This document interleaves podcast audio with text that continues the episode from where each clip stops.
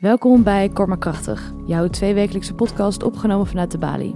Ze schreef openhartig over homoseksualiteit en verdwaald zijn in een vrouwenlichaam. En sprak zich moedig uit over feminisme en discriminatie. Splinter Chabot en Xandra Schutter vertellen je waarom je alles moet hebben gelezen van Andreas Burnier.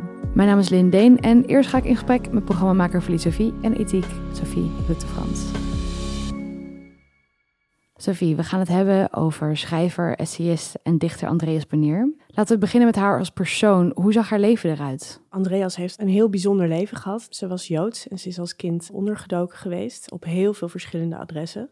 Dat doet natuurlijk iets met je, uh, zeker als kind. En wat heel schrijnend of bijzonder misschien is, is dat in het boek van Ronit Palash, wat eigenlijk de aanleiding was voor deze avond, elk boek is een gevaar. Daar lees je ook in dat ze toen ze elf was ergens ondergedoken zat en dat die mensen zeiden, nou ja, we vinden het toch een beetje eng, dus misschien kun je iets anders regelen. En dan ben je dus een kind van elf en dan moet je zelf maar kijken of je ergens een ander adres kan regelen. Nou, dat soort dingen, dat tekent je wel voor het leven, denk ik. Het was ook een vrouw uh, die in een tijd is opgegroeid waarin het moeilijk was voor vrouwen. Ze mocht niet studeren, ze werd niet serieus genomen. Allemaal dingen die voor haar verschrikkelijk waren. Want later is ze heel veel gaan studeren en heel veel gaan schrijven. Ze was een hoogleraar wiens colleges een soort fenomeen waren op de universiteit waar iedereen bij wilde zijn. Ze vond ook in haar leven haar vrouwelijke liefde. Ze is een van de eerste geweest die daar heel openhartig over geschreven heeft, zowel in essays als in haar romans. Ze voelde zich gevangen in haar vrouwenlichaam, had daar een moeilijke relatie mee, maar uiteindelijk heeft ze daar ook weer vrede mee gevonden. Ze heeft denk ik voor, uh, voor heel veel mensen één leven geleefd. Ja, een wervelend leven.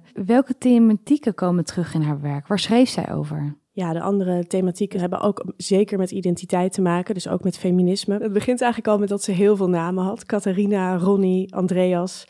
Uh, dat geeft eigenlijk al aan hoe op zoek iemand is naar een identiteit. Ze ging zich op een gegeven moment Andreas noemen, omdat ze zich eigenlijk als man meer thuis voelde in de samenleving. Ze is ook heel lang natuurlijk, zoals heel veel vrouwen uit die tijd, gediscrimineerd geweest. Mocht niet studeren, uh, werd niet serieus genomen. En ik zag een interview met haar bij Adriaan van Dis toen ze uh, 50 was. En toen zei ze, nu voel ik me eindelijk mezelf. Want nu heb ik niet meer de hele tijd het idee dat mannen de hele dag seks willen als ik iets zeg. Maar nu luisteren ze echt naar me. Daarnaast heeft ze ook heel veel geschreven over man-vrouw relaties.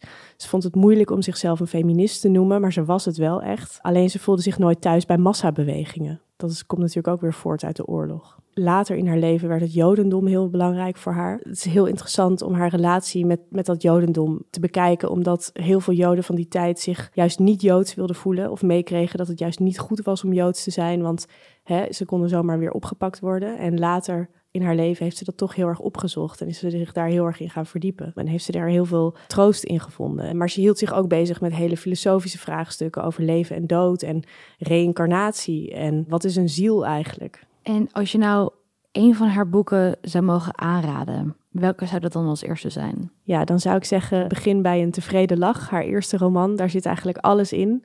Het is eigenlijk wat wij misschien nu autofictie zouden noemen. Uh, een hele vroege vorm daarvan.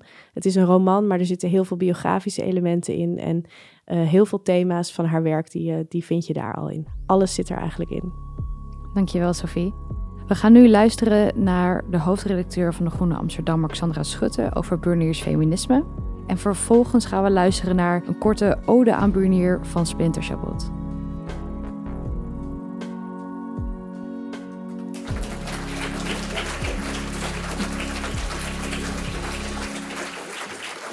Andreas Burnier werd als feminist geboren. Nou ja, niet helemaal. Ze werd feminist vanaf het moment dat ze besefte dat er een verschil was tussen jongens en meisjes. Dat wil zeggen toen ze een jonge kleuter was.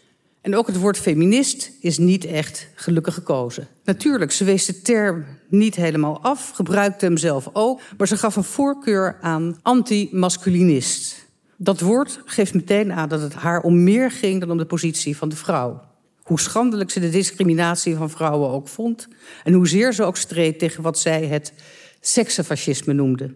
Het ging haar om een mens- en wereldbeeld, niet minder. Maar laat ik bij het begin beginnen. Naar eigen zeggen realiseerde Andreas Burnier zich vanaf haar derde dat ze anders werd behandeld dan haar vriendje Nol van Dijk. Het viel haar op de kleuterschool op dat ze tegen hem zeiden handen wassen en tegen haar handjes wassen. Het woord jongens had iets dit is een citaat, terwijl meisjes oninteressant en week klonk, noteert ze in het verhaal De Wolkenkinderen. Misschien zou meisen en jongetjes haar minder hebben gestoord. In het jongensuur schrijft ze dat de belachelijke meisjeskleren en de daarbij behorende speelgewoonten steeds knellender worden. Het hatelijke verschil tussen jongens en meisjes nam alleen maar toe naarmate je ouder werd. Al jong realiseert ze zich dat jongens een vrijheid hebben die meisjes niet kennen. S'avonds door de stad lopen, een beroep kiezen en doorwerken als je trouwde. Bij de mensen horen die wat presteerden in de wereld. En dan volgt een opsomming die van haar was: soldaten, geleerden, ministers, ontdekkingsreizigers, ingenieurs en directeuren. Al jong heeft ze al een licht misprijzen voor de meisjes die het niks kan schelen dat ze gekke kleren moesten dragen, die je het spelen beletten. Maar zij moet later wel het domste en saaiste werk doen in een huis als ze willen trouwen. Van hoog tot laag, beseft de jonge ik in het jongensuur, zullen zij hetzelfde huishoudelijke werk verrichten, zonder iets te verdienen, en moeten ze zich opdirken als pauwen om de andere helft te behagen. In haar essay Masculinisme, Feminisme, Androgynie uit 1978 beschrijft Andreas Munier het tomboy-syndroom, waar vooral intelligente meisjes hun toevlucht toezoeken. Als ze doorkrijgen dat jongens talloze sociale privileges krijgen, puur vanwege hun jongen zijn. De reactie van zulke meisjes, volgens haar, is dat ze dan liever willen horen bij de jongens, bij de heersende kasten. Die identificatie met de mannenwereld, later via echtgenoot en of zoon, brengt volgens Burnier een zekere minachting voor medevrouwen met zich mee. Het grappige is dat zij zelf, ondanks dit inzicht in de zelfhaat die bij onderdrukte groepen op de loer ligt, niet geheel vrij is van een zekere minachting. Zie de onnozele meisjes uit het jongensuur die zich met genoegen om praktische meisjeskleren laten aanmeten en de consequenties niet willen overzien. Zie een sprong in de tijd. Haar latere kritiek op feministen die een vrouwenemancipatie van kleine stapjes voorstaan. Aanvankelijk was ze gecharmeerd van de geestige provocaties van Dolomina, totdat ze de mooie en vrouwelijke vrouwen uit de beweging naar voren gingen schuiven, die ook nog eens rondtoeterden hoe hetero ze wel niet waren. Ze probeerde enige tijd aansluiting te vinden bij man-vrouw maatschappij, MVM, maar dat was haar te weinig fundamenteel. Ze verloren zich in detailverbeteringen, in wat ze als het feminisme van de hogere aanrechten betitelde terzijde. Ik heb het nergens meer terug kunnen vinden, maar ik heb de hardnekkige herinnering dat Andreas Bunier ergens beweerd heeft dat aanrechten opzettelijk te laag zijn ontworpen. Door mannen om vrouwen te pesten. Ik herinner het als een voorbeeld van de humor waarmee haar polemiek vaak was doorspekt. Het feminisme van Andreas Bernier kende hoe dan ook de nodige schijnbare tegenstellingen. Ze leefde al wat je als een feministisch leven kunt bestempelen voor het losbarsten van de tweede feministische golf. Ze was een voorloper, een voorbeeld, maar dan wel als eenling. Terwijl feminisme een collectieve beweging was, zusterschap weet je wel, was zij het liefst een groepje van één. In een van haar lezingen stelt ze dat de kern van het feminisme ligt bij de radical lesbians. En, ik citeer, niet bij vrouwen die zeggen naar autonomie te streven, maar zich tegelijkertijd door een man laten onderhouden en als zijn lijfeigenen fungeren. De feministen van de kleine stapjes kortom. Maar als ze hoort dat een vrouwenboekwinkel overweegt het kritische boekje Hedendaags Feminisme van Renate Rubenstein te boycotten, wijst Daniel van Mauriker in een brief op dat er een zeer reëel gevaar van puritanisme, dogmatisme, sectarisme, holier than thouisme in de vrouwenbeweging bestaat. Leven de vrijheid van drukpers, schrijft ze, van informatie, van kritiek. En ze waarschuwt, als jullie in deze zaken verkeerd beslissen, krijg je een soort Christian Science Reading Room op den duur. Allemaal pamfletten die het gelijk van de beweging bevestigen. Pfie. Het was niets voor haar om het in hedendaagse terminologie te zeggen in een bubbel op te houden. Ze schuwde ook de kritiek op het feminisme niet.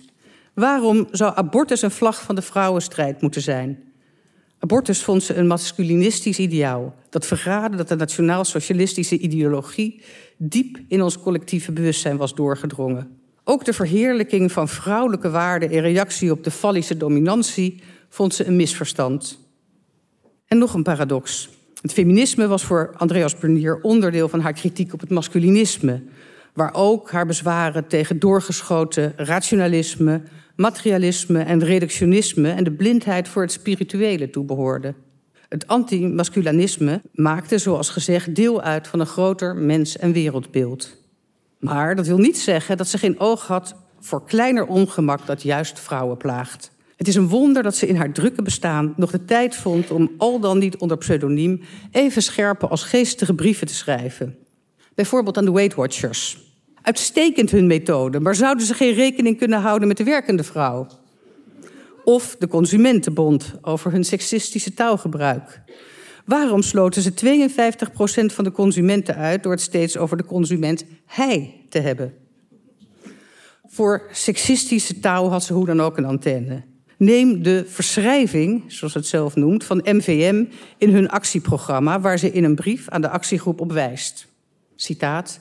Niemand mag belebberd worden in zijn wens inkomen te verwerven uit eigen arbeid, luidt het punt. Haar snijdende conclusie. Het is ondenkbaar dat iemand die werkelijk betrokken is bij de bevrijding van vrouwen zoiets denkt, schrijft of niet, althans achteraf, corrigeert. Haar taalkritiek kon ver gaan. Ik heb Andreas Bernier ooit geïnterviewd voor De Groene. En toen ik haar de tekst toestuurde, verbeterde ze de alle zus in zijs. Naast hij bestond er toch ook geen he. haar feministisch bewustzijn werd geboren toen ze een jaar of drie was. Het begeleidde haar in al haar levensfase. Toen ze zich ruim 40 jaar na de oorlog weer met het Jodendom verzoende, wees ze meteen ook op het seksisme van het traditionele Jodendom. Ik heb in het algemeen niets tegen mannen, schrijft de vrouwelijke hoofdpersoon in de wereld van glas aan een onbekende rabbijn. Om te vervolgen. Het enige dat ik tegen mannen in het algemeen heb, is dat zij meestal iets tegen vrouwen hebben. En dan met name in het religieuze Jodendom. Ze wijst erop dat vrouwen in de Joodse geschiedenis geen rol spelen en in hedendaagse orthodoxe shuls tijdens erediensten nog steeds citaat, tegen het plafond worden geplakt op een vaak door een ondoorzichtig hek afgesloten balkon. Het Jodendom is in haar ogen een van de meest macho-religieuze tradities. De omhelzing was niet kritiekloos. Al vroeg zag Andreas Burnier de mens als geest, bekleed met ziel en lichaam. Het lichamelijke was voor haar niet de essentie van de mens. Tegen de denkbeeldige rabbijn laat ze haar personage zeggen dat ze een mens in vrouwverpakking is en hij een mens in manverpakking. Hoeveel strijd ze ook leverde tegen het seksenfascisme, tegen het feit dat mensen in een vrouwenlichaam worden gediscrimineerd, uiteindelijk was het een strijd tegen een hardnekkig misverstand. Hoe het is als dat misverstand uit de weg is geruimd, beschrijft ze in Vrouwengeluk. Een ongedateerde notitie uit haar privéarchief waarin ze vrouwengeluk waarschijnlijk niet toevallig tussen aanhalingstekens plaatst. Citaat. Voor mij, geboren in 1931, is vrouwengeluk dat het recht op wetenschap en kunst tegenwoordig niet meer wordt geacht exclusief te zetelen in de penis. Ze besluit de notitie met: Voor mij is vrouwengeluk, vrouwen is nu tussen aanhalingstekens en haakjes geplaatst. Voor mij is vrouwengeluk dat de door het patriarchaat gehalveerde en verminkte mensheid weer een totale mensheid wordt. toch ook heel kort iets over toevalligheid en over hoe ik kennis maakte met Andreas Bunier. En dat was eigenlijk omdat ik een podcast luisterde over Ischa Meijer. En die was in gesprek met een mevrouw. En ik luisterde die podcast eigenlijk vooral omdat ik wilde weten hoe interviewt hij nou, hoe stelt hij vragen, hoe doet hij dat. En toen was hij aan het praten en het gekke was, tijdens die podcast veranderde al heel gauw de balans naar wie ik luisterde. Want in het begin luisterde ik vooral naar zijn vragen.